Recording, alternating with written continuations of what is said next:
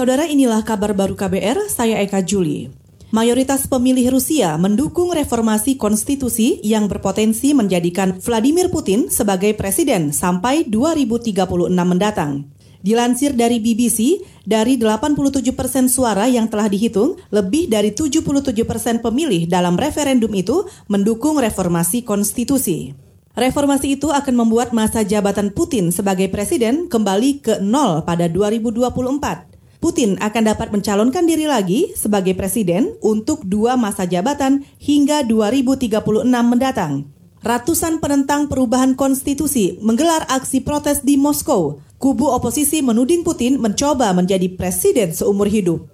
Saudara Kementerian Keuangan mengklaim Bank Dunia menaikkan peringkat Indonesia dari negara pendapatan menengah menjadi negara berpenghasilan menengah ke atas. Status itu diberikan di tengah ancaman resesi akibat pandemi corona. Pemerintah menilai kenaikan status ini merupakan bukti atas ketahanan ekonomi dan kesinambungan pertumbuhan yang selalu terjaga dalam beberapa tahun terakhir. Peningkatan status RI sebagai negara berpenghasilan menengah ke atas disebut akan memperkuat kepercayaan dan persepsi investor, mitra dagang, mitra bilateral, dan mitra pembangunan atas ketahanan ekonomi Indonesia.